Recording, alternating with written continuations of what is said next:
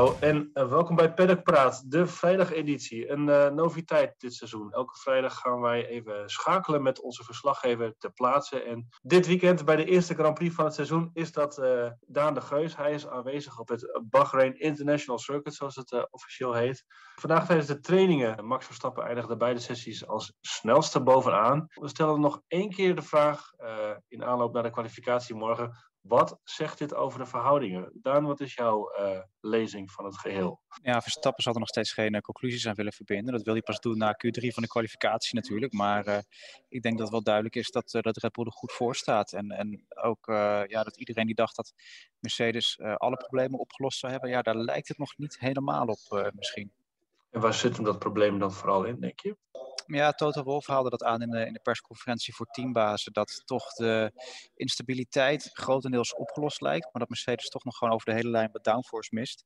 En hij zegt dat komt echt door ons concept. We rijden met, uh, met lage rake. Dus de Red Bull die rijdt zoals bekend met hoge rake. Dan is de rijhoogte achter echt uh, hoger dan voor. Ja. De Mercedes die staat wat vlakker.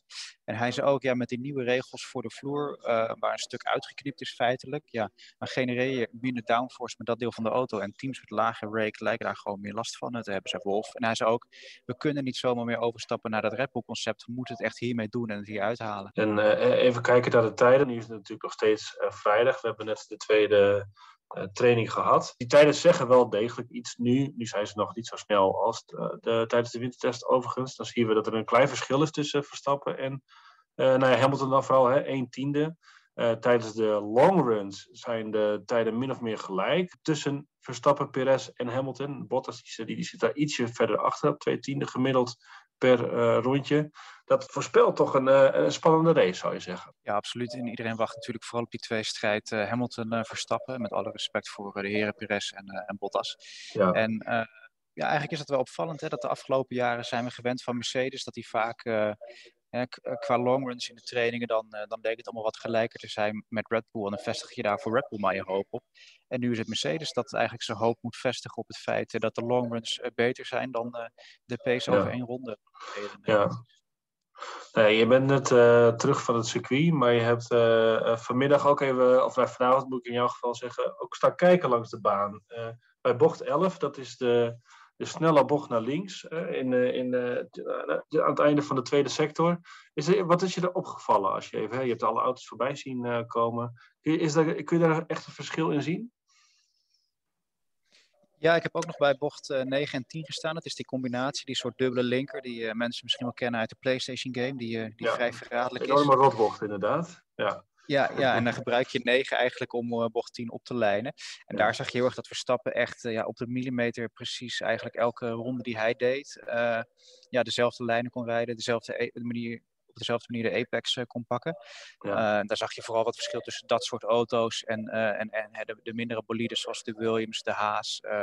maar tussen bijvoorbeeld de Mercedes en de Red Bull, ja, die coureurs zullen daar verschillen ervaren. Maar op het blote oog zijn die relatief lastig te zien natuurlijk. Ik dacht, dacht misschien nog even interessant wel wat bocht 11 betreft. Het is dus die, die snelle linker wat mij daar opviel, maar dan moet ik wel bij zeggen dat ik, ik stond natuurlijk langs de baan. Dus dan, dan heb je uh, niet F1 TV aan en met je streaming bundle of, of Twitter en non-stop. Dus mm -hmm. je krijgt een beetje moeilijk mee wat iedereen aan het, uh, aan het doen is.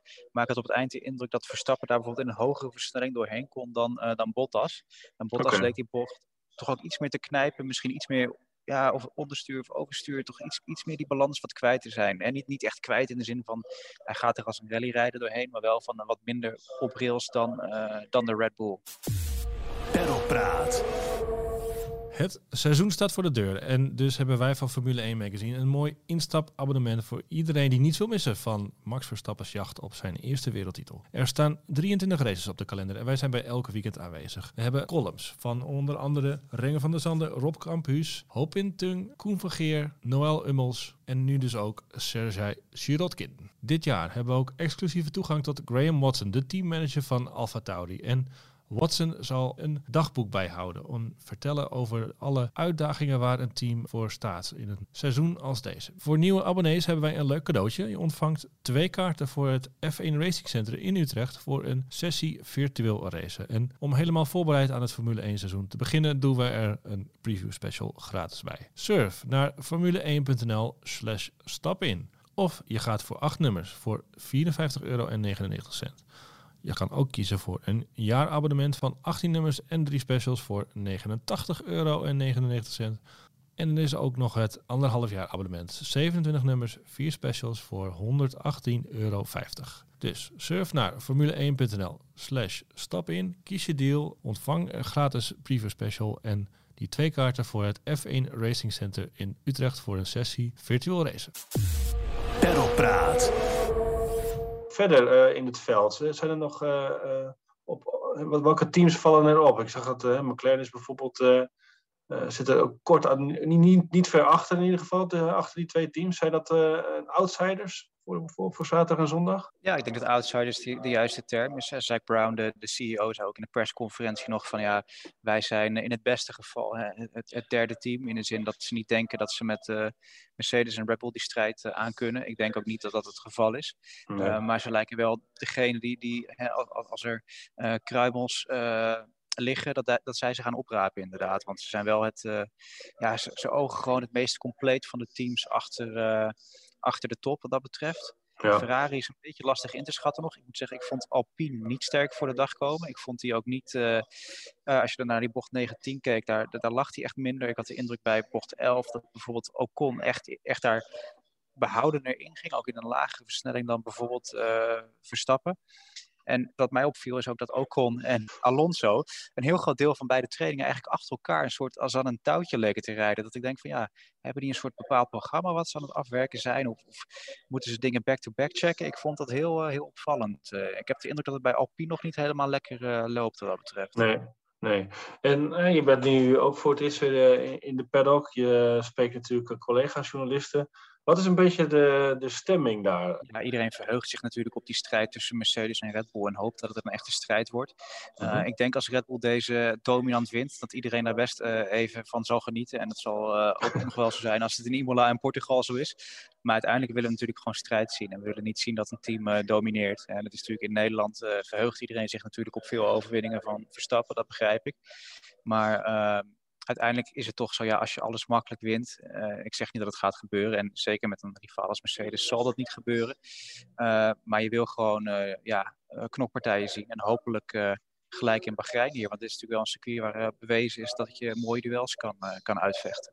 Ja, en nog even over de, de omstandigheden. Verstappen zelf en Hamilton ook, die haalden het al aan. Die zullen morgen en ook vooral zondag anders zijn. Kun je er nog iets over zeggen en de, en de invloed daarvan? Ja, het was vandaag en ook eh, donderdag al wel heel heet eigenlijk. Uh, echt 35 graden en uh, volle zon. In het weekend uh, zou het wat kouder moeten worden. En kouder is een relatieve term, want dan heb je het alsnog over een goede 25 graden.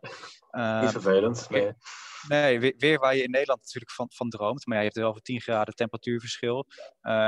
Het zal ook enorme invloed hebben natuurlijk op de, uh, de temperatuur van de baan. En nu staat vol de zon erop. Morgen en zondag wordt het waarschijnlijk ook iets bewolkter. Uh, er zal meer wind staan. De omstandigheden zullen waarschijnlijk meer te vergelijken zijn met die tijdens de wintertest. Ja. En zoals Christian Horner van uh, Red Bull al aanhaalde, van ja, wij hadden daar drie hele goede dagen. Dus uh, ja, voor Red Bull ziet het er qua weerbericht in ieder geval zeker niet verkeerd uit. Maar komt er ook weer zo'n zandstorm aan of dat niet? Uh, dat weet ik niet. Nee. laat ik me graag toch verrassen. Maar ja, weet je, er ligt hier, ja, het is een beetje flauw om te zeggen, maar er ligt hier natuurlijk gewoon heel veel zand rondom die baan. En het is ook heel stoffig, stoffig uh, rondom ja. de baan. Dus ja, als, als, als de wind uit de juiste uh, richting uh, op, opsteekt, inderdaad, ja, dan is zo'n zandstorm. ja, ik, ik, denk niet dat we op, op tafereelen zoals op die eerste testdag hoeven te rekenen. Maar het kan zeker zo zijn dat dat ook wel enige, ja, e-, enige zand en stof op de baan gaat opleveren. Ja. Durf je er nog een voorspelling in te gooien voor morgen? Nou, wat je vandaag gezien hebt? Ja, ik had volgens mij voor onze videoshow Parabolica voorspeld Bottas, uh, Verstappen, Perez. Ja, je, bent nu toch geneigd om te zeggen van ja, het gaat, uh, het gaat Verstappen worden. Maar ja, in alle eerlijkheid, ik, ik, denk dat, dat Verstappen zelf een heel goed punt had toen hij zei van ja, laten we eerst Q3 maar afwachten en dan zien we het wel. Maar ja, uh, ik zeg altijd maar zo, als je je eigen geld moet inzetten, dan zet je het op degene die op dat moment de beste kans heeft. En dat is nu Verstappen.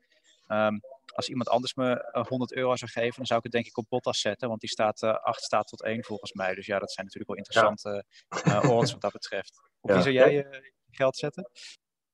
ik zou, als ik met mijn eigen geld zou wedden, zou ik op degene zetten die de afgelopen zeven jaar gewonnen heeft. Het, het, is zo moeilijk zeggen en het ligt ook eigenlijk zo dicht bij elkaar. Het is niet een, niet een de vrijdag is niet een uitgesproken overwinning geweest, om het even zo te zeggen, voor, voor Verstappen en Bull. En uh, wat je ook uh, eerder al aanhaalde, voor de afgelopen jaren heeft Mercedes het op de vrijdagen uh, toch altijd vaak net even op 80% gedaan. En dan dachten we van, hé, hey, die longruns, daar, zit, daar is perspectief voor, voor, voor Red Bull. En dan werd het op zondag natuurlijk weer nou ja, niet met gemak, maar vaak wel uh, verslagen. Het zou in ieder geval de ultieme mindfuck zijn van, van, van Mercedes als het, nu, uh, als het nu morgen iedereen op een hoop rijden. En ik volg maar even de lijn, uh, de communicatielijn van, van Verstappen zelf. Laten ze Q3 inderdaad afwachten. En we zien het morgen. Ja, het is ook wel leuk, moet ik zeggen trouwens, dat er weer echt een soort spanning in zit. Hè? Misschien komt dat omdat het nu de eerste race natuurlijk. Maar we hebben jaren gehad, dan gingen we naar de, de eerste race in Melbourne dan vaak. En dan was het van, nou, we kunnen Mercedes wel vast invullen. Maar dat is dit jaar niet zo. Dat maakt het toch wel, uh,